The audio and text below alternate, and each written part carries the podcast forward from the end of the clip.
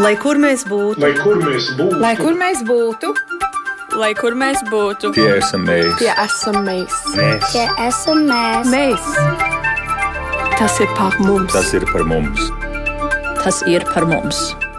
Esiet sveicināti! Skanējums saka raidījums Globālais Latvijas 21. gadsimts, un šodien temats ir saistīts ar to, kā panākt, lai Latvijā atgriežas zinoši speciālisti, un vienlaikus vētīsim arī tos iemeslus, kāpēc augstas raudzes profesionāļi reizumis nelabprāt atgriežas strādāt un dzīvot Latvijā, kuros brīžos pati valsts ar savu birokrātisko aparātu liek sprunguļus riteņos tiem, kuri gribētu atgriezties, un arī par to, ja reiz mēs gribam, lai atgriežas šie zinošie profesionāļi, tad kāpēc joprojām nav noteikti vienkāršotāka kārtība, lai atzītu ārzemēs iegūtu izglītību, kas būtu jāgroza reglamentēto profesiju likumā, un vai izglītības un zinātnes ministrija plāno ieviest elektronisku sistēmu, kas ļautu šo atzīšanas procesu padarīt iespējams netik smagnēji. Sarunai par šo tēmatu mēs studijā esam aicinājuši Uģi Gruntu, mani Latviešu ārstu un zobārstu apvienības valdes priekšsēdi. Sveicināti! Ja. Studijā ir arī Ieva Siliņa, Latvijas jauno zinātnieku apvienības valdes priekšsēdētājs. Sveicināti! Miks Mūžerais, kustības ar pasaules pieredzi Latvijā priekšsēdētājs vietnieks. Sveicināti! Labdien. Un studijā ir arī izglītības un zinātnes ministrijas pārstāvi, precīzāk politikas iniciatīvu un attīstības departamenta vecākā eksperte un arī profesionālās kvalifikācijas atzīšanas koordinātora Inese Stūre. Sveicināti! labdien! Es savukārt jums, tie, kuri skatās un klausās mūs, atgādinu, ka skatīties jūs varat mūsu Latvijas Radio 1 mājaslapā un Latvijas Radio Facebook tiešraidē, un, protams, arī klausīties klasiskajā radio versijā, ieslēdzot savus radioaparātus, jo, ja jūs klausīsieties radio internetā, tad labāk skatieties mūs. Kāpēc tieši šobrīd un šai mirklī, nu, es negribētu piesaukt to, ka nu, tagad 11. oktobris ir tas datums, kad ir ļoti svarīgi par šo tematu runāt, bet kāpēc ir svarīgi šobrīd runāt par šo tematu, par speciālistu atgriešanos Latvijā un par tiem iespējamajiem sprunguļiem, kas tiek likti tai ri- ritenī, kas brauc Latvijas virzienā? Es varētu sākt. Jā. Mēs esam procesā, mēs tā teikt, fi- finalizējam savu nacionālās attīstības plānu. Mēs esam pateikuši, ko mēs gribam, kā mēs gribam, un mēs esam skaidri pateikuši, ka mēs gribam iet uz zināšanu ekonomiku. Un līdz ar to ir konkrēti soļi, kas mums ir jā, jāspēr, lai iet uz zināšanu ekonomiku. Jo zināšana ekonomika sastāv primāri un galvenokārt no gudriem cilvēkiem. Šie gudrie cilvēki tādā tālāk veido gudrus uzņēmumus, strādā gudros institūtos, rada gudru zinātni, kas aiziet gudrā augstākajā izglītībā, gudrā pamatizglītībā un pārējās lietās. Un šis ir tas iemesls, kāpēc mums jādomā, kā mēs gan piesaistīsim šos talantus, gan tos talantus, kas ir mūsu talanti, kas šobrīd ir kaut kur ārpusē, tā teikt, nu, aicināsim at atpakaļ uz Latviju, vai kā mēs šo lietājumu risināsim un darīsim. Jā, jo nu, tie aktuālie dati liecina, ka laika posmā nu, tas varbūt nav līdz šai baltai dienai, bet no 2009. līdz 2016. gadam no Latvijas ir aizbraukuši 120 tūkstoši kvalificētu cilvēku. Tā ir Eiropas komisijas 2018. gadā uh, publicētie dati. Tas, protams, nenorāda, ka tur visi ir uh, no zinātnes aizbraukuši, bet skaidrs, ka tur lielākoties tomēr mēs varam runāt par augstu izglītotu cilvēku emigrācijas apjomu. Protams, arī diasporas precīzais zinātnieku skaits mums nav zināms, un tad te vieni dati ir tas, ka uh, tiek lēsts, ka pēc 1940. gada no Latvijas prom ir devušies 60% zinātnieku.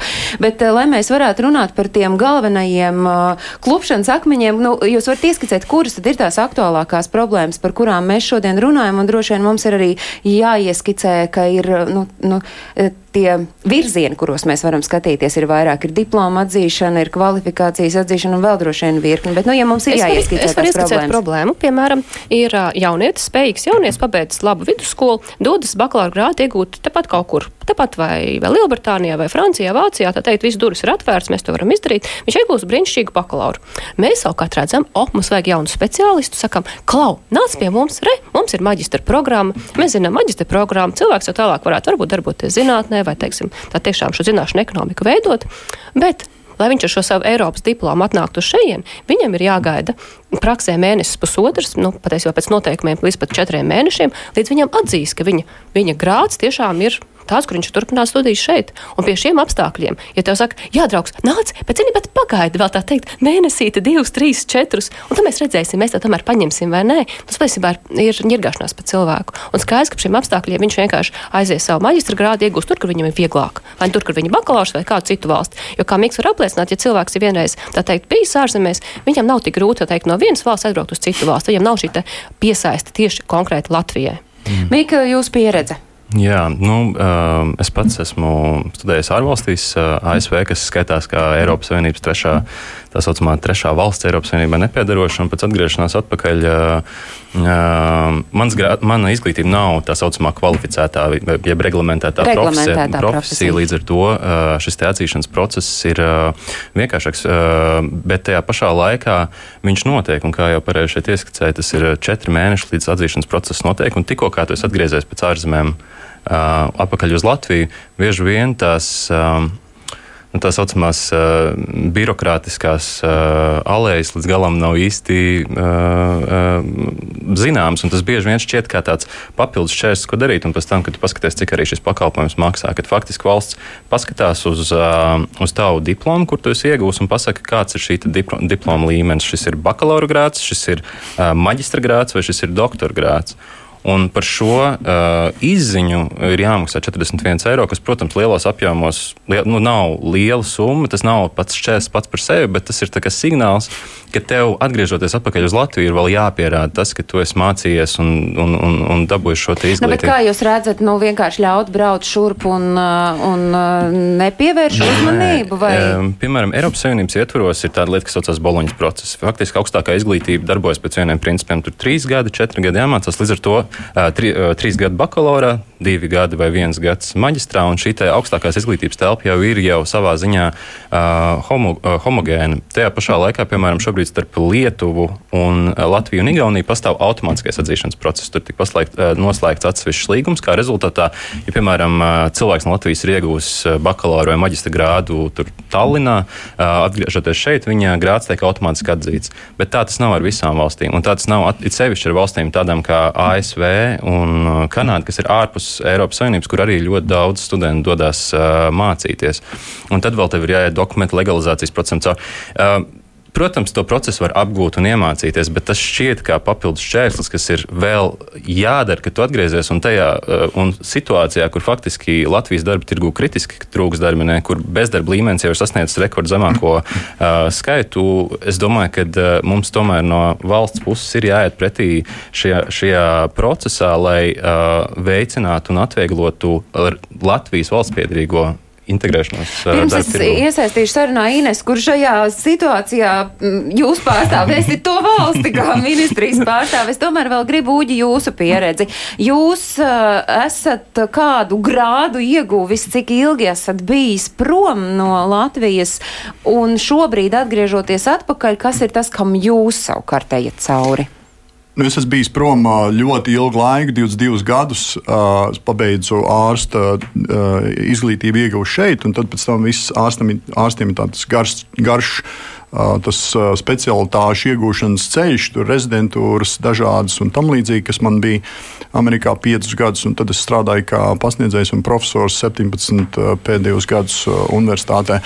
Un arī šī brīdī atbraucot un iesniedzot šos dokumentus, saskāros ar nu, šo um, teiksim, stāvokli, ko jau tikko aprakstīja, kad uh, man, man pat bija uh, vēl lielāks šoks, jo man teica, kad uh, tā diploma atzīšana var ilgt sešus mēnešus. Mēs uzskatām, ka vēl jāpagarina, tad mēs vēl pēc likuma sešus mēnešus varam pagarināt, tā kā gadu varētu, jo man tie diplomi daudz un tas. Uh, tas uh, augstskolas ir bijušas daudz, un līdz ar to tas process ir garš. Bet es jau saku, ka būtībā. Nu, ārstiem visur būtībā pasaulē visas šīs datubāzes ir elektroniskas. Teiksim, var visu apstīties, kādas ir manas specializācijas. Amerikā ir ģeneralizēta datubāze, var apstīties, vai es esmu sodīts kā ārsts Amerikā. Tas viss ir publiski pieejams jebkuram pacientam. Līdz ar to es lūdzu protams, to ņemt vērā. Es, es, es jau arī nesagaidīju, ka cilvēki to zina, bet es, protams, varu parādīt, kur tas ir, lai to vieglāk atrastu. Un uh, visšokējušais, protams, bija man, uh, jo es esmu šī reglamentētā profesija, kad būtībā pašreiz likums, un es nezinu, vai tas ir Eiropas Savienībā vai tikai Latvijā. Man tas, tas ko man teica, lai, es, lai man atzītu mans diploms, pirmām kārtām man jāiekļūst ārstu sarakstā. Šeit, ārstu, Latvijā? šeit Latvijā, ārstu sarakstā. Un kā tādā jūs varat Un iekļūt? ārstu sarakstā tu iekļūsti automātiski, tad, kad tu pabeidz augstskolu. Pieņemsim, Latvijā tu pabeidz medicīnas fakultāti, tev, iek, tev iekļauj ārstu sarakstā. Un tad, ja tu esi strādājis vai nu Latvijā vai Eiropas Savienībā piecus gadus, tu, uh, uh, Tur arī nav nekādas problēmas. Bet, cik es biju, es pabeidzu šeit, bet bijis Amerikā, man teica, ka uh, Amerika ir trešā valsts. Būtībā nu, starpība liela nav. Amerika, Krievija, uh, nu, priekš tādas atzīšanas principiem. Un teica, ka, nu, lai es iekļūtu šī sarakstā, man jāiet pārlikt valsts eksāmens kā ārsta beigšanas eksāmens. Un tad es kundzei jautāju, vai tiešām viņa nekļūdās. Un vai tas būtu normāli, teiksim, tā attieksme bija, nu, tāds ir likums, es likums neizdomāju. Ja? Nu, bet tagad, bet, šobrīd, kurā posmā jūs esat? Nē, nē. Pēc tam, protams, eksāmenam? Nē, uh, uh, nē. Uh, Protams, kad es runāju ar cilvēkiem, un cilvēki, es atklāti teikšu, ir pilnīgi pretim nākoši. Šāds laikam nav, not, nu, viennozīmīgi nav noticis. Neviens no Amerikas nav ārsts atgriezies. Es esmu pirmais. Tā kā, es, es, es teiksim, mēģināšu kopā visi sakārtot to sistēmu. Jo, protams, nav tāds precedents, līdz ar to cilvēki to nu, nezināja. Bet, jautājums bija tieši, kādas valsts mēs atzīsim, nu, kurām mēs, mēs viņus izvēlēsimies. Un tur, manuprāt, bija tiešām ļoti labs ieteikums no prezidenta kunga. Viņš teica, ka mēs kā valsts esam vienojušies, ka teiksim, diasporas pārstāvjiem, kas atgriežas Latvijā, nu, pastīsimies uz tiem, kuriem mēs piešķiram dubultu pilsonību. Kuras ir tās valsts, kuras mēs uzskatām par draudzīgām? Tad Eiropas Savienība, Eiropas ekonomiskā zona, NATO valstis, kurās ietilpst, protams, Amerika un Kanāda, un papildus Jaunzēlanda, Austrālija un Brazīlija. Brazīlija un tās arī. būtu tās, kur nu, tā specialitātes, tā jūsu kvalifikācijas atzīšana, diplomu atzīšana būtu vienkāršotāka? Es, es cerētu, ka, ja mēs esam noteikuši, ka šīs ir mūsu tās draudzīgās valsts un mēs uzticamies viņu izglītības sistēmām, tas, es ceru, to nozīmē, tad pateikt, ka mēs jā, viņus pielīdzinām Eiropas Savienības teiksim, šiem pielīdzināšanas standartiem. Jo div, divu, būtībā viena iemesla dēļ, jo visās šīs reglamentētās profesijās, un tur nav tikai ārsti, tur jā, ir. Ir tās reglamentētās profesijas ārsts, paskaidrojam ārsts, klausītājiem? Ārsti, protams, zobārsti, juristi, būvinženieri, arhitekti. Manuprāt, tas ir 73 kopā. Vēl virkne, nu, dažādas, teiksim, tāds... arī ar aviāciju jā, profesijas. Jā, jā. Vairāk kā 250 specialitātes faktiski ir reglamentētas kopumā. Tas tā varētu būt vēl nav kā tiek atzīts tās. Tas vēl, tas vēl nav pie tā, par, ar, par to tiek runāts, par to lietas tiek darītas. Kā, nu, redz, cerams, jums ir paveicies, viss... ka jūs tiekat aci pret aci ar prezidentu runāt. Tā, ka, nu, tā varbūt ir gan klātesošiem, gan klausītājiem tāda cerība, ka varbūt tas ritenis iegriezīsies raitāk. Tagad... Es varētu izstāstīt, kas tas, kas vajadzīgs mums zinātnē. Jā. Jā, tātad gan tiem cilvēkiem, kas augstākā izglītībā strādā, gan zinātniekiem. Mums būtu vajadzīga automātiskā atzīšana konkrēti konkrētā vir, virknē valstu. Piemēram, Eiropas Savienība, viņi visi tiek reglamentēti zem boloņas procesa. Mēs varam saprast, kāds, kāda veida šis grāts ir. Tā, ka mums ir šīs valsts, ko mēs varam saprast, kā, manuprāt, piemēram, Amerika, Kanāda un tam līdzīgi Austrālija, ko mēs varētu likt šīm valstīm, mēs atzīstam likumu automātiski. Jo, piemēram, ja, mm, ja pieņemsim, mm, es ar doktora grādu brauktu uz Franciju un vēlētos kandidēt uz amatu vai strādāt vai ko citu, viss, kas man būtu vajadzīgs, manā vienalga vērtēju LU vai, vai Latvijas diplomam, vajadzīgs tulkojums skaitā franču valodā, kas tur ir rakstīts. Jo skaidrs, ka latviešu tā teikt, es nevaru prasīt, mm. lai viņi izlasa. Un tad brīdī, kad es nāku savu diplomu, Latvijas diplomu un tulkojumu franču valodā, redz, tas nozīmē to, to, to. Viss, tas viss ir nokārtots. Nekādas atzīšanas, nekādas, nekāds laiks, nekas pārējais. Zinot, ka es gribu braukt uz, uz Franciju, es varu aiznest uz tulkošanas biroju, tā teikt, gan, gan šodien, gan rīt, gan jebkurā sevērtā laikā un to izdarīt. Un tā būtu tā lieta, kas mums būtu jāievieš. Kāpēc mums tā nav? Jā, attiecībā uz automātisko diplomu atzīšanu es varu teikt, ka izglītības sistēmas katrā valstī ir nacionālas valsts lieta. Proti, katra valsts nosaka savus izglītības sistēmu, programmas, saturu un galvenos rādītājus. Jūsu pieminētais automātiskās atzīšanas līgums starp diplomiem starp Igauniju, Lietuvu un Latviju tiešām ir noslēgts, bet pēc ļoti ilga sarunu rezultāta, pēc vairākus gadus ilgām, ilga ekspertu darba. Un, uh, mēs zinām, ka Eiropā uh, nebūtu ne visas valstis ir tik nu, teiksim, atvērtas. Eiropas komisija ir ļoti rosinājusi būt valstīm daudz vairāk pretimnākošām, bet tāds nenotiek. Piemērs ar Franciju nav visās uh, Eiropas Savienības valstīs. Jā, nav viss. Proti, tad arī Francijai būtu jābūt automātiski jāatzīst Latvijas diplomus un Latvijai automātiski jāatzīst Francijas diplomus. Šāda, nu, teiksim, diploma atzīšana šobrīd nav nav vienošanās par to. Un, um, Nu, bet kas tas bija, ko Ieva stāstīja to piemēru, ja jūs sakāt, ka tāda atzīšana tā nav? Atzīšana ir tikai starp Latviju, Lietuvu un Igauniju. Trīs valstis, kas ir vienojušās. Savā starpā, bet, savā starpā. Francija uzticas arī neslēdzot Viņi uztic- Viņi vienošanos. uzticās Eiropas Savienībai, un viņi uzticās, ka faktiski šis te Latvijas diploms ir, ir spēcīgs. Vienkārši viņi grib zināt, kas tur precīzi ir rakstīts. Un mēs to paši varam darīt. Piemēram, mums ir šī te uh, postdoc Latvija programma, kur mēs uh, piedāvājam mm, cilvēkiem doktora grādu uh, divus vai trīs gadus veikt, veikt pētījumu Latvijā. Ļoti, ļoti laba lieta, kas tiešām veicina mūsu, mūsu zinātni. Un mēs esam ierakstījuši, ka jā, ja tu gadījumā tev nav Latvijas grāds, lūdzu, tev būs jāatzīst. Mēs tikpat labi varam pateikt, mēs tev uzticēsimies, ja tu esi, teiksim, no Eiropas Savienības vai no draudzīgajām valstīm, kāds kā ierosinājums vai kā savādāk. Mēs paši lielā mērā arī, teiksim, nosakam šo te aizslēgtības likumu, tā teikt, to no aizslēgtības līmeni, cik daudz mēs gribam nelaist, sargāt, prasīt, maksāt šos te pār pa 40 eiro, gaidīt šo te laiku un saņemt papīru, kurā rakstīts, jā, šādā valstī šāda universitāte pastāv, šajā universitātē tiešām ir šāda programma, tiešām šī programma šādā līmenī. Malači. Jūs nevarat apiet to, es atvainojos, ka es jūs mudinu uz Nu, ja, mēs esam, ja pārkāpumu. mēs valsts līmenī esam noteikuši, ka jā, jums ir vajadzīgs atzīt, šis te, atzīt jūsu diplomu, lai es kandidētu šajā, nu, tā teikt, ieņemtu pozīciju šajā darbā, vai, teiksim, kandidētu par, par, par pētnieku vēlēšanās vai citām lietām, kas jums ir ļoti, ļoti vajadzīgs, nu, tas mēs paši liekam šos sprungus. Nereglamentētajās profesijās, jo to jau var darīt. Ja tavs darba devējs, piemēram, Nu, jā. Tev, tad tu vienkārši uzsāc šo te darbu un viss ir kārtībā. Nu, Jā, profesijās Bet, ja, piemēram, jautājums ir, ja, piemēram, cilvēks, kas ir iegūst bakalaura grādu, teiksim, Lielbritānijā un atgr- atgriežas atpakaļ Latvijā, lai turpinātu maģistra grādu, viņam šim procesam ir Tieši tā. jāiet cauri. Universitāte prasa šo te. Arī citi darba devēji var būt ļoti strikti un prasīt. Es saprotu, ka Jā. valsts pārvaldē ļoti skrupulozi uz to skatās. Nu, Taisnība, ja? salīdzinoši, jā. Es gribu iesaistīt mūsu sarunā Aritu Dubņiku, Rīgas Tehniskās Universitātes Rudolfa Cimdiņa, Rīgas Biomateriālu inovācijas un attīstības centra pētnieci. Sveicināti, Arita! Labdien! Rīgas Tehnis Tehniskajā universitātē būs Baltijas biomateriālu ekscelences centrs. Tas ir 30 miljonu investīciju projekts, kurā iesaistīsies desmit augsta līmeņa zinātnieku. Tāds ir, es saprotu, jūsu plāns, un tas jūsu plāns ir, ka jūs redzat, ka tie trīs no desmit varētu būt ārlatvieši. Kur jūs savukārt tad saredzat tos uh, lielākos apgrūtinājumus šādu augstas raudzes speciālistu iesaistē šajā konkrētajā projektā?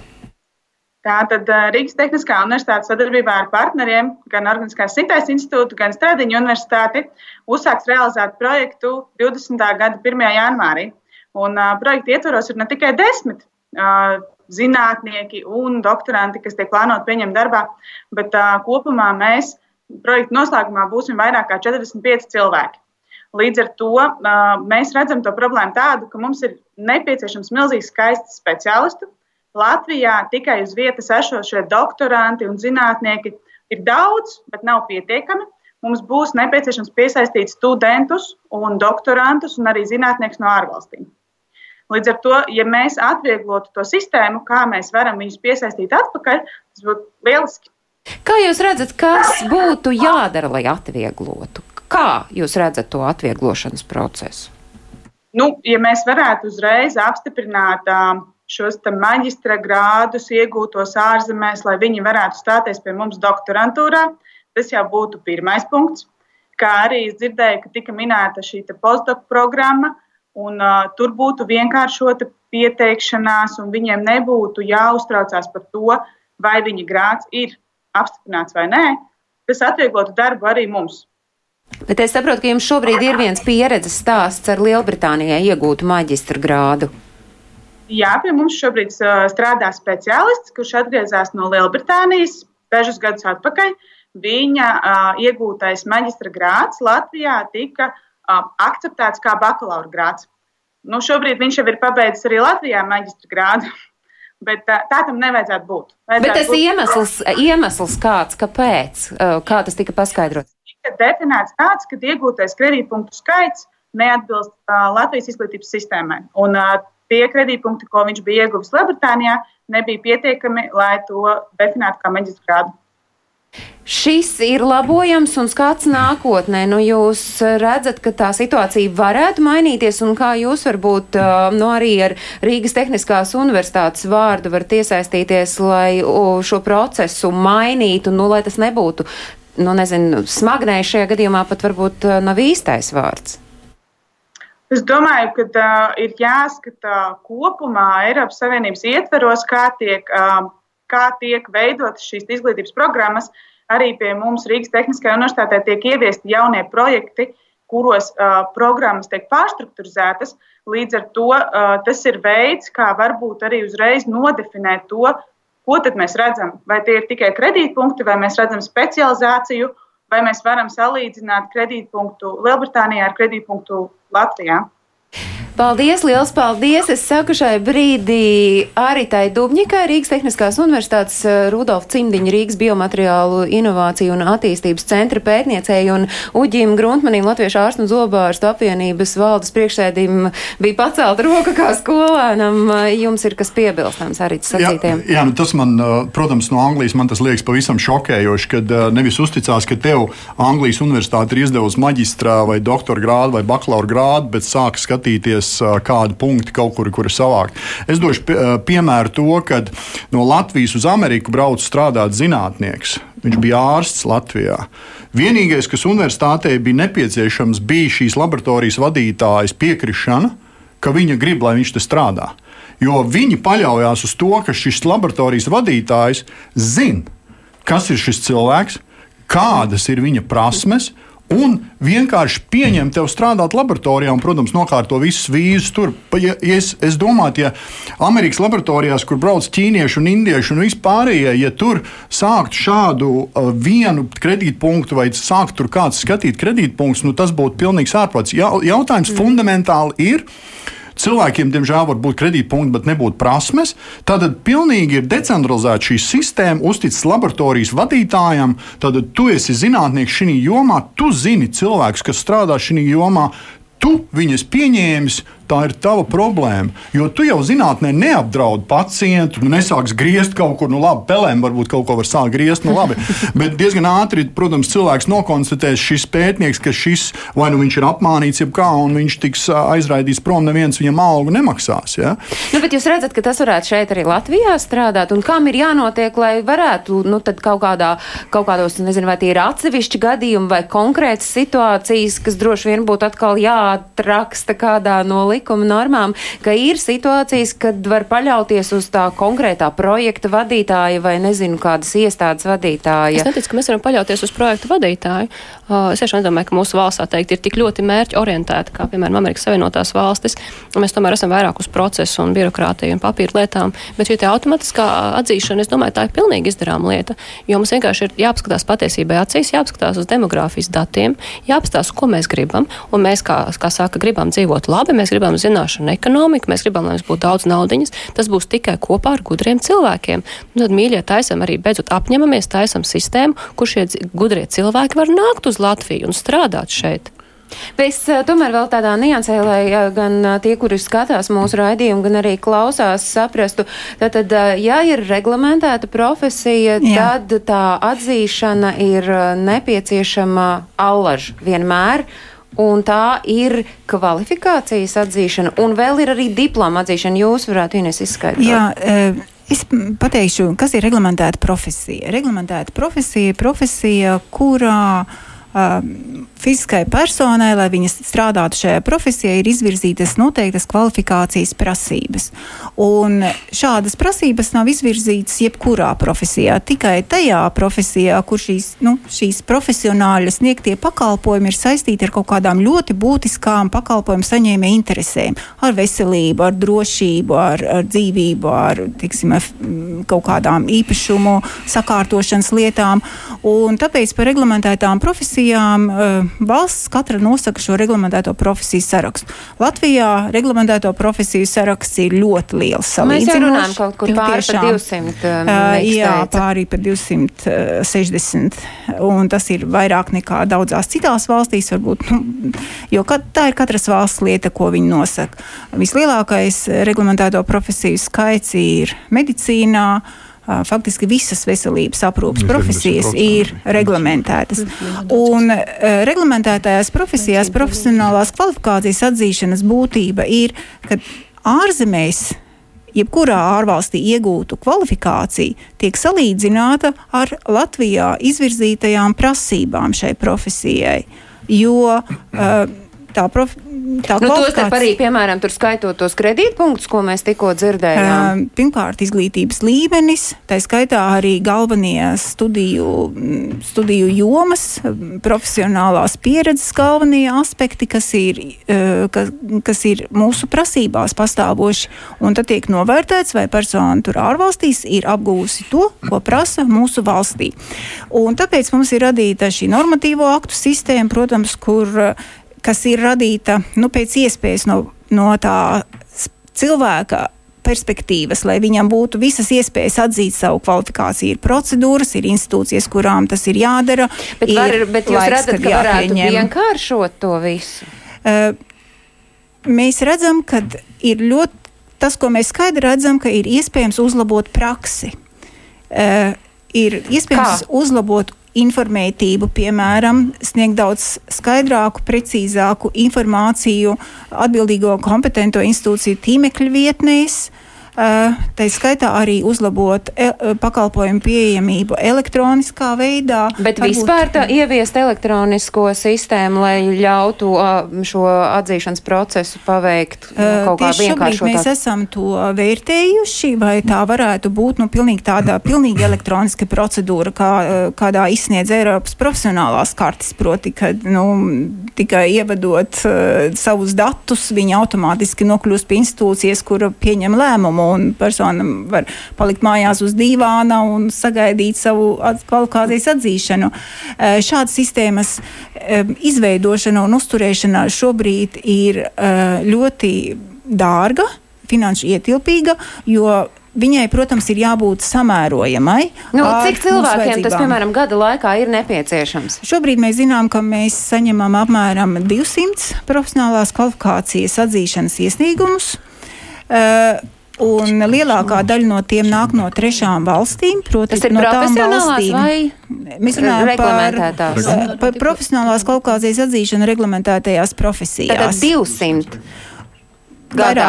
Apmēram. Aptuveni. Ap, un cik apmēram. tas izmaksātu, ja ievies šo elektronisko uh. sistēmu? Un vai gadījumā nav tā, ka tad tomēr to pieteikumu būtu vairāk un to cilvēku būtu vairāk, kuri būtu gatavi vai nu braukt šeit vai atgriezties? Uz šo hipotētisko jautājumu mēs atbildēt nevaram, cik viņu būtu, ja būtu. Bet cik tas izmaksātu? Bet, mēs esam no aplēses? veikuši aplēses, ka šādas sistēmas izveidošanā izmaksātu apmēram 60 tūkstošus eiro gadā, un pēc tam viņas uzturēšana arī vairākus tūkstošus uh, eiro gadā prasītu.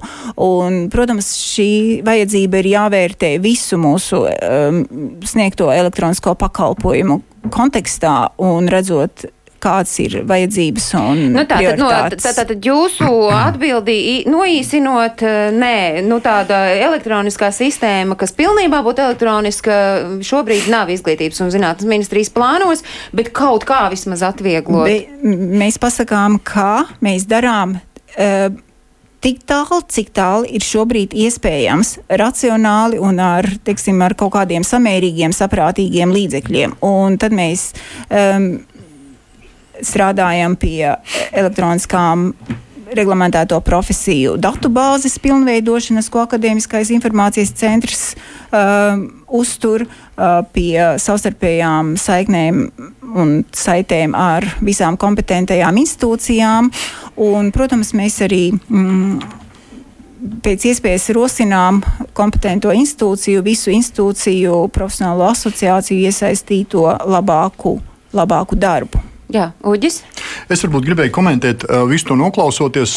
Es domāju, tas ir svarīgi. Nu, protams, pārbaudīt, vai kāds nav nopircis diplomu. Jā, es arī iedomājos, ka man bet... liekas, varbūt tāpēc arī ir, lai mūs pašus pasargātu no tā, ka jā, kaut kāda puskoka lēcēja šeit nonāk ar labiem papīriem. Jā, tāpēc divas lietas. Viena lieta, es gribēju nedaudz uz brīdi sašaurināt šo diskusiju. Tātad Latvijas saima 18. gada beigās pieņēma saucamo diasporas likumu. Tātad diaspora sašaurinot šo diskusiju. Tātad tikai par cilvēkiem, kas ir latviešu, latvieši, Latvijas pilsoņi un par viņu atgriešanos. Ja? Tad, manuprāt, atkal, ja mēs Eiropas Savienībā viennozīmīgi esam smadzeņu donoru valsts, mēs dodam prom, mēs neesam pieņēmēju valsts. Šī diskusija no izglītības ministrijas man ir tāda sajūta, ka cilvēki laužās šeit iekšā, un mēs Skatīsimies, kuru bet mēs tā ņemsim. Nebūtu, nav. Bet tā nav, jo neno, skaidrs viennozīmīgi, ar ārstiem ir izbraukuši tūkstoši, tad ir atgriežušies varbūt pāris desmit. Ja? Tad, ja mēs kā valsts institūcijas no pašas augšas līdz pašai apakšai dosim signālu, ka šis process nav vienkāršs, mēs jūs gaidām. Un jums būs minimāli, teiksim, jūs, jūs nākat, jūs esat latvieši, jūs pieņemsim, esat ar noteiktiem diplomiem. Mēs darīsim visu iespējamo, lai darītu to ātri, efektīvi, un mēs pasakām jums paldies, ka jūs atgriežaties Latvijā. Ja, bet tā sajūta ir, ka tu saskaties ar, nevis ar cilvēkiem uz ielas, bet ar institūcijām, ka tas ir nenormāls, smagnējs process, Un, protams, ka tas uh, neiet pretī šim uzstādījumam, būt atvērtai tas, ko ieteica teiksim, zināšanu ekonomikai, kā mēs šo zinātniekus, kā mēs šos izglītotos cilvēkus dabūsim apakaļ. Jo mums skaidri jāsaprot, ka, ja mēs konkurējam ar Eiropu, ar Ameriku, kur algas ir 3, 4 un 10 reizes lielākas, un tad vēl tev sāk stādīt šādus teiksim, astronomiskas prasības un periodus, kas tev jāgaida ja? un jādzīvo Jā, ģimenē, tad tas, protams, ir nepareizi. Redzat, ja, piemēram, man ir vēlme aizbraukt uz, uz Vietnamu, paskatīties, cik tur ir jauki. Ar ko es sākšu, jūsuprāt? Vai es pirkšu biļetes, maksāšu par viesnīcu vispārējo, vai es no sākuma pieteikšos vīzai? Nu, loģisks cilvēks manā skatījumā pirms pieteiktos vīzē. Ja viņi saka, jā, Ieva, tu vari braukt uz Vietnamu, ok, tad es pērku avio biļetes, tad es pērku viesnīcu, no visu, visu pārējo. Jo, ja man to vīzu neiedos, es būšu to naudu iztērējis velti. Un šeit sanāk tas pats, faktiski mēs uh, noliekam šīs robežas, tā teikt, uh, cilvēkam nemaz nav, nav iespēju. Bet mēs pasakām, jā, ja tu esi, nu, tev ir Eiropas grāds, mēs tevi aicinām, jā, mēs esam atvērti. Lūdzu, varētu būt tas piemērs, ko es no ūģa sacītā izlobīju, ka ja tev ir visi pieminētais Eiropas grāds vai varbūt pat Amerika, un, nu, kas ir tās, kur mēs runājam, kur ir šī dubult pilsonība, ie, ie, ie, iespējām draudzīgās valsts, tad tajā situācijā tu esi latvietis un tev ir atvieglot prof, šī procedūra. Varbūt, ka viņa varētu būt, nu, tāda tomēr nedaudz, nu, es negribu teikt birokrātiska, bet tāda, jā, tāda skrupulozāk skatoties uz nelatvieti. Man liekas, ka neliekas pareizi diskriminēt Nav. cilvēku pēc okay. tautības. Tā viennozīmīgi būtu diskriminācija. Bet mēs varam uzticēties, ja Cambridge ir izdevusi grādu, nu mēs varam uzticēties. Arī neuzticas, neskatot. Ne, savu... vienalga, visiem ir jāiet arī. Arī, arī cilvēki, kas ir beiguši Cambridge, dodās mm. tieši šo pašu procesu, ko vispārēji. Šeit, šeit uh, viena lieta, ko es gribēju minēt, nu, protams, uh, Latvijā faktiski 15% iedzīvotāji strādā reglamentētā profesijā. Tā kā tas nav arī tik neliels, neliels uh, skaits. Un viena no lielākajām problēmām tiešām ir tas fakts, ka reglamentētā profesijā skaidrs, ka ir nepieciešams aizstāvēt sabiedrības intereses un drošību, un lai ārsts zina, ko viņš dara un tam līdzīgi. Bet tajā pašā laikā tas pats process, piemēram, ārstniecības nozarē, tas ir trīs atsevišķas institūcijas, kur tev jāiet un jāskatās, kāda ir tava specifiskā profesija un kur tā kvalifikācija un pie kuras organizācijas tev jāiet. Būvniecības nozarē ir astoņas organizācijas, kas ir profesionāls biedrības vai, vai izveidotas institūcijas, kur tev ir jāsaprot atbilstoši savai konkrētajai kvalifikācijai, pie kuras iestādes tev jāiet un uh, jāsaņem šī kvalifikācijas atzīšana. Un katra no šīm iestādēm strādā savā, savā formātā. Cits strādā daudz labāk, cits strādā sliktāk, bet no valsts viņas finansējumu saņem tik, cik viņas saņem. Un var gadīties, ka, piemēram, dēļ profesionāla organizācija, atsevišķa profesionāla organizācija nespējas šo procesu novest no, no sākuma līdz beigām, mēs, piemēram, nesaņemam kaut kādus noteiktus speciālistus katru gadu. Jo tiešām, ja ir, ja, ja ir jāgaida gads, kamēr tava kvalifikācija tiek atzīta, ja tu mācies, piemēram, Amerikas Savienotās valstīs, tajā pašā laikā tev atnāk darba piedāvājums kaut kur citur, un tu esi Latvijai zaudēts. Ines, kāpēc ir tik ilgs tas process, kāpēc ir pat līdz gadam? Nu, um, nu, mēs neredzam to, ka var tomēr to ātrāk izdarīt. Nu, ja mēs runājam par ļoti tehniskām detaļām šajā profesionālās kvalifikācijas atzīšanas procesā, tad es varu teikt, ka uh, laika ziņā viena no laika ietilpīgākajām sadaļām ir komunicēšana ar pretendenta kvalifikācijas izdevēju valsts institūcijām, lai saņemtu tiešām apliecinājumus korektus no viņiem, ka tas ir īsts diploms, īsts izdots. Redz, kur ir uzreiz lietas. divas piebildes. Jā. Nu, redzat, piebildes savādāk. Jā, es saprotu, ka mums tiešām vajadzētu rūpīgi skatīties uz to, kādus ārstus mēs ielaižam Latvijā. Ja, piemēram, kāds ārsts no Indijas ar savām metodēm, varbūt tas man kā pacientam nebūs pieņemams, es nejūtīšos labi. Bet no otras puses, ja man zinātniskā projektā vajag ķīmiķi, man zinātniskā projektā vajag biologu, man vajag fiziķi, man vajag ekonomistu, vai šis ekonomists no citas valsts tiešām ir sliktāks par ekonomistu šeit, kāpēc mēs tur nevaram ieviest automātisko diplomu atzīšanu nu, katrā Eiropā? Tad jāskatās acīm redzot vispār uz šo reglamentēto profesiju likumu. Tur Tas ir kaut kas jāgroza, nē? Ir runa arī par likumu, par, par diplomu atzīšanu kā tādu, ne tikai par reglamentētajām profesijām. Jā, bet tā ir parasti darba devēja prasība ja viņš, vai viņš pieprasa personai kaut kādu apliecinājumu rakstisku, ka mēs nevaram ārvalstīs iegūt. Viņi nevar ieņemt vēlētus amatus, visas pārējās lietas. Nu, tas ir tās, tās ir milzīgas, milzīgas tā teikt, liela ierobežojuma vietās, kuras nebūtu vajadzīgas. Uģim vēl bija kas piebilstams? Jā, es vēl tikai gribēju piebilst, ka, nu, teiksim, pat cik es esmu tik daudz bijis un tik daudzās institūcijās bijis, un es aiznesu čupu ar tiem diplomiem, protams, ka, uh, pieņemsim, mans ieteikums būtu skatīties uz terminālo to uh, vietu, kur es esmu strādājis, teiksim, ja, kur es esmu strādājis, kas man ir pieņēmusi. Un, ja ir tiešām jāsazinās, nu, tad skaidrs, ka tas process Amerikā, tad, tad es esmu bijis piecās universitātēs, ar katru viņu sazināties, katrai nu, apstiprināt, nu, ka tas ir mans diploms. Tad vēl sazināties, ka es neesmu kādu kā ārstu nogalinājis. Tas tiešām varētu paņemt laiku. Mm. Tātad termināls, teiksim, terminālā vieta, kur tu esi bijusi, skaidrs, ka viņi ir pārbaudījuši, ko tu esi darījis, kas tu, ka tu neesi bīstams. Un varbūt ar to vismaz sākumā sākuma posmā tev izdod teiksim, tādu lēnu, prelimināru jā, kaut varat, kādu. Ka jūs patiešām jā. esat ārsts. Jā, jā, kad es neesmu. Tad var turpināt jā. skatīties, ja ir tāda jā, nepieciešamība arī visu to pārējo. Kādas vēl ir nu, tās rekomendācijas un tie, tas skats nākotnē, lai nebūtu tā, ka mēs te sašūmējām, tagad saš, sacepāmies un uh, turpinājumu nav. Mika, es zinu, ir jā. ieteikumi. Pirmām kārtām šim procesam ir jābūt bez maksas. Jo mums, mums nu, trūks darba rokas gandrīz mm. visās nozarēs. Tas, tā, tās nav lielas summas, par kurām mēs runājam. Un arī, kā mēs sapratām, arī tas pieteikumu skaits šobrīd ir salīdzinoši neliels. Tam procesam tam nav jābūt maksas pakalpojumam. Viņš maksas. Kāpēc šis maksas? Šobrīd viņš ir jā, 41, 240 eiro. Tas ir vienkārši nianses, kas cilvēkam, kas atgriežas, ir kā papildus šķērslis visā tajā birokrātiskajā jūrā. Viņam ir jāizdara. Ja tev vēl pēc tam ir jātulko visi tie dokumenti un no viss pārējais jādara, jāmēģina tur iet tam legalizācijas procesam cauri, tas viss ir izdevumi, kas vienkārši nav no valsts puses tik liela uh, nauda nepieciešama. Otrs ir, nu, tas ir par valsts komunikāciju jautājums arī kādā veidā, uh, lai tu kā cilvēks, kas ir tikko atgriezies, bijis ļoti ilgu laiku projām strādājis, nezinu, Lielbritānijā vai kur citur, lai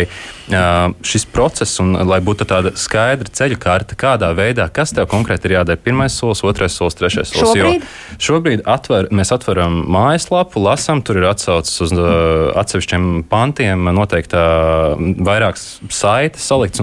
Tas vienkārši cilvēkiem ir kā tāds tā kā jūklis ar informāciju, kas ir salikts ļoti salīdzinoši. Jūs vakar mēģinājāt kaut ko tur saprast, un es sapratu, paldies Dievam, ka man nav jāatgriežas. un vienkārši ši, šim procesam noteikti ir jābūt ļoti atvieglotam, kādā veidā šī informācija ir pieejama. Un trešais, iespējams, ir domāt tomēr par uh, to iestāžu, kas veids šo atzīšanu, kaut kādu veidu konsolidāciju. Bija interesants piemērs um, uh, Itālijā. Viņi samazināja šo reglamentēto profesiju, to, to procesu atviegloja uh, tieši uh, uz uh, farmācijas nozari, un viņiem gadu vēlāk pētījumi liecina, ka samazinājās gripas uh, slimojošo skaits. Reglamentācijas mazināšanai ir ļoti tieši efekts uz to, kādā veidā notiek šis te, um, notiek arī kāds efekts ir uz sabiedrību kā tādu. Jā, ceru, ka Miku sadzirdēja, Juģi. es, es pieminēšu, mēs runājam par. Uh, doktorantiem, postdoktorantiem. Es gribēju divus vārdus teikt par nu, saucamiem, nu, es laikam esmu tāds vecs zinātnieks, ve, vecākiem akadēmisko grādu ieguvušiem cilvēkiem, tais pašās valstīs, ko mēs runājam, kas nav Eiropas Savienībā, vai nu tā būtu Amerika, Austrālija, Jaunzēlanda. Un te mans ieteikums, un tas, es domāju, ļoti svarīgi ir, kad no šīm valstīm arī tiek akceptēta šī grā, uh, ievēlētās pozīcijas. Tātad tev ir uh, ievēlēta vai nu par teiksim, docentu, vai par asociēto profesoru, vai par profesoru. Un Latvijā šobrīd teiksim, augstskolas likums paredz, ka viņi neakceptē to, un, protams, tu nevari arī pretendēt uz šīm uh, akadēmiskiem amatiem, uh, uz at, uh, atklātās vēlēšanās, jo šiem akadēmiskiem amatiem ir jābūt no Latvijas. Tas atkal ierobežo skaitu, ierobežo konkurenci un nevirza mūs uz priekšu, teiksim, uh, lai nevis tikai ienāktu arī tikai paši jaunākie teiksim, zinātnieki, bet ienāktu vecāki zinātnieki, kas tiešām var uh, ar lielāku pieredzi, ar vairāk publikācijām, lai teiksim, uh, palīdzētu jaunajiem pētniekiem un uh, arī reglamentētās profesijās teiksim, zinātniekiem attīstīties.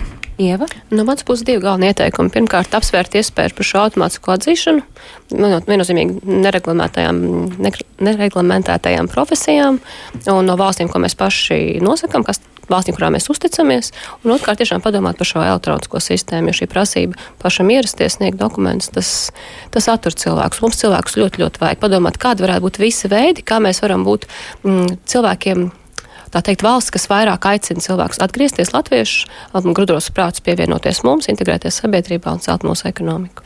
Ines, jums tāda ceļamaize piekdienas pēcpusdienā, tiem, kur klausās atkārtojums svētdienā, atgriežoties pirmdien izglītības un zinātnes ministrijā, nu, ieteikumi ir, nu, tad droši vien mums ir jāskatās, cik no tiem jūs patiešām varat realizēt tuvākā nākotnē un kas ir tas, ar ko jūs turpināt strādāt pie tā, lai Latvijas galvenais resurs resurss, kas ir cilvēki, atgrieztos šeit, Latvijā. Un, Jā. Jā, katrā ziņā visiem diskusijas dalībniekiem paldies par izteikt konkrētajiem piemēriem, jo tas ir tas, kas mums ir tiešām ļoti vajadzīgs ministrijā strādājot pie normatīviem aktiem, lai mēs redzētu, kā tad reāli izpaužas šīs problēmas. Jo, kā redzat, arī Gruntmaņa kungs minēja savu piemēru, viņš teica, viņš ir pirmais lūk, vai ne? Nu, e, droši vien pirmais esot, nu, nevar sagaidīt, nu, ka ir izveidota jau sistēma, kas, nu, būtībā teorētiski izmodelēta vienam atsevišķam gadījumam, Es ceru, ka es nebūšu pirmais un pēdējais. Jā, bet... to, mēs bet, nu, arī teiksim, jū, jūs sekotājiem droši vien jūs arī minējāt, ka tur ir arī noteikts darbības, lai novērstu tos šķēr, šķēršļus, kuri nav, kuri nav pamatoti un loģiski. Ne, nu, zin, kā, kādam vienmēr jā, ir jābūt pirmajam, jābūt un sekotājiem būs vieglāk. Un es vieglāk, domāju, jā. ka šobrīd uh, man vienā brīdī likās, ka mēs tik melni iekrāsojam, ka neviens mūs noklausoties negribēs atgriezties, un tomēr es ceru, ka nu, tādu gaismas staru mēs iespīdinājām, un es saku šai brīdī paldies, ka jūs varējāt būt kopā ar Latvijas radio viens klausītājiem un skatītājiem, un es saku paldies Ievai Siliņai, Latvijas jauno zinātnieku apvienības valdes priekšsēdētājai, paldies Inesē Stūrei no Izglītības un zinātnes ministrijas, paldies Uģim Gruntmanim, Latviešu ārstu un zobārstu apvienības valdes priekšsēdim, un paldies Mikam Mužrājam, kustības ar pasaules pieredzi Latvijā priekšsēdētājas vietniekam. Tie, kur mūs klausījās ārpus Latvijas, arī reglamentēto profesiju pār pārstāvi, mēs tomēr gaidām. Jūs atbraucam uz Latviju sākumā ciemos, lai noskaidrotu, kā tagad tā situācija ir mainīsies, un pēc tam iespējams uz palikšanu. Ārlatviešiem aktuālo notikumu kalendāru jūs varat meklēt portālā latviešu.com. Tur arī varat skatīties raidījumu globālais Latvijas 21. gadsimts. Tāpat jūs to varat darīt, ieejot Latvijas radio viens mājas lapā. Un atkārtojums Latvijas radio viens ētera viļņos ir katru svētdienu trijos un piecās. Lai jauka visiem šī atlikusī dienas daļa un tiekamies jau pēc nedēļas. Atā.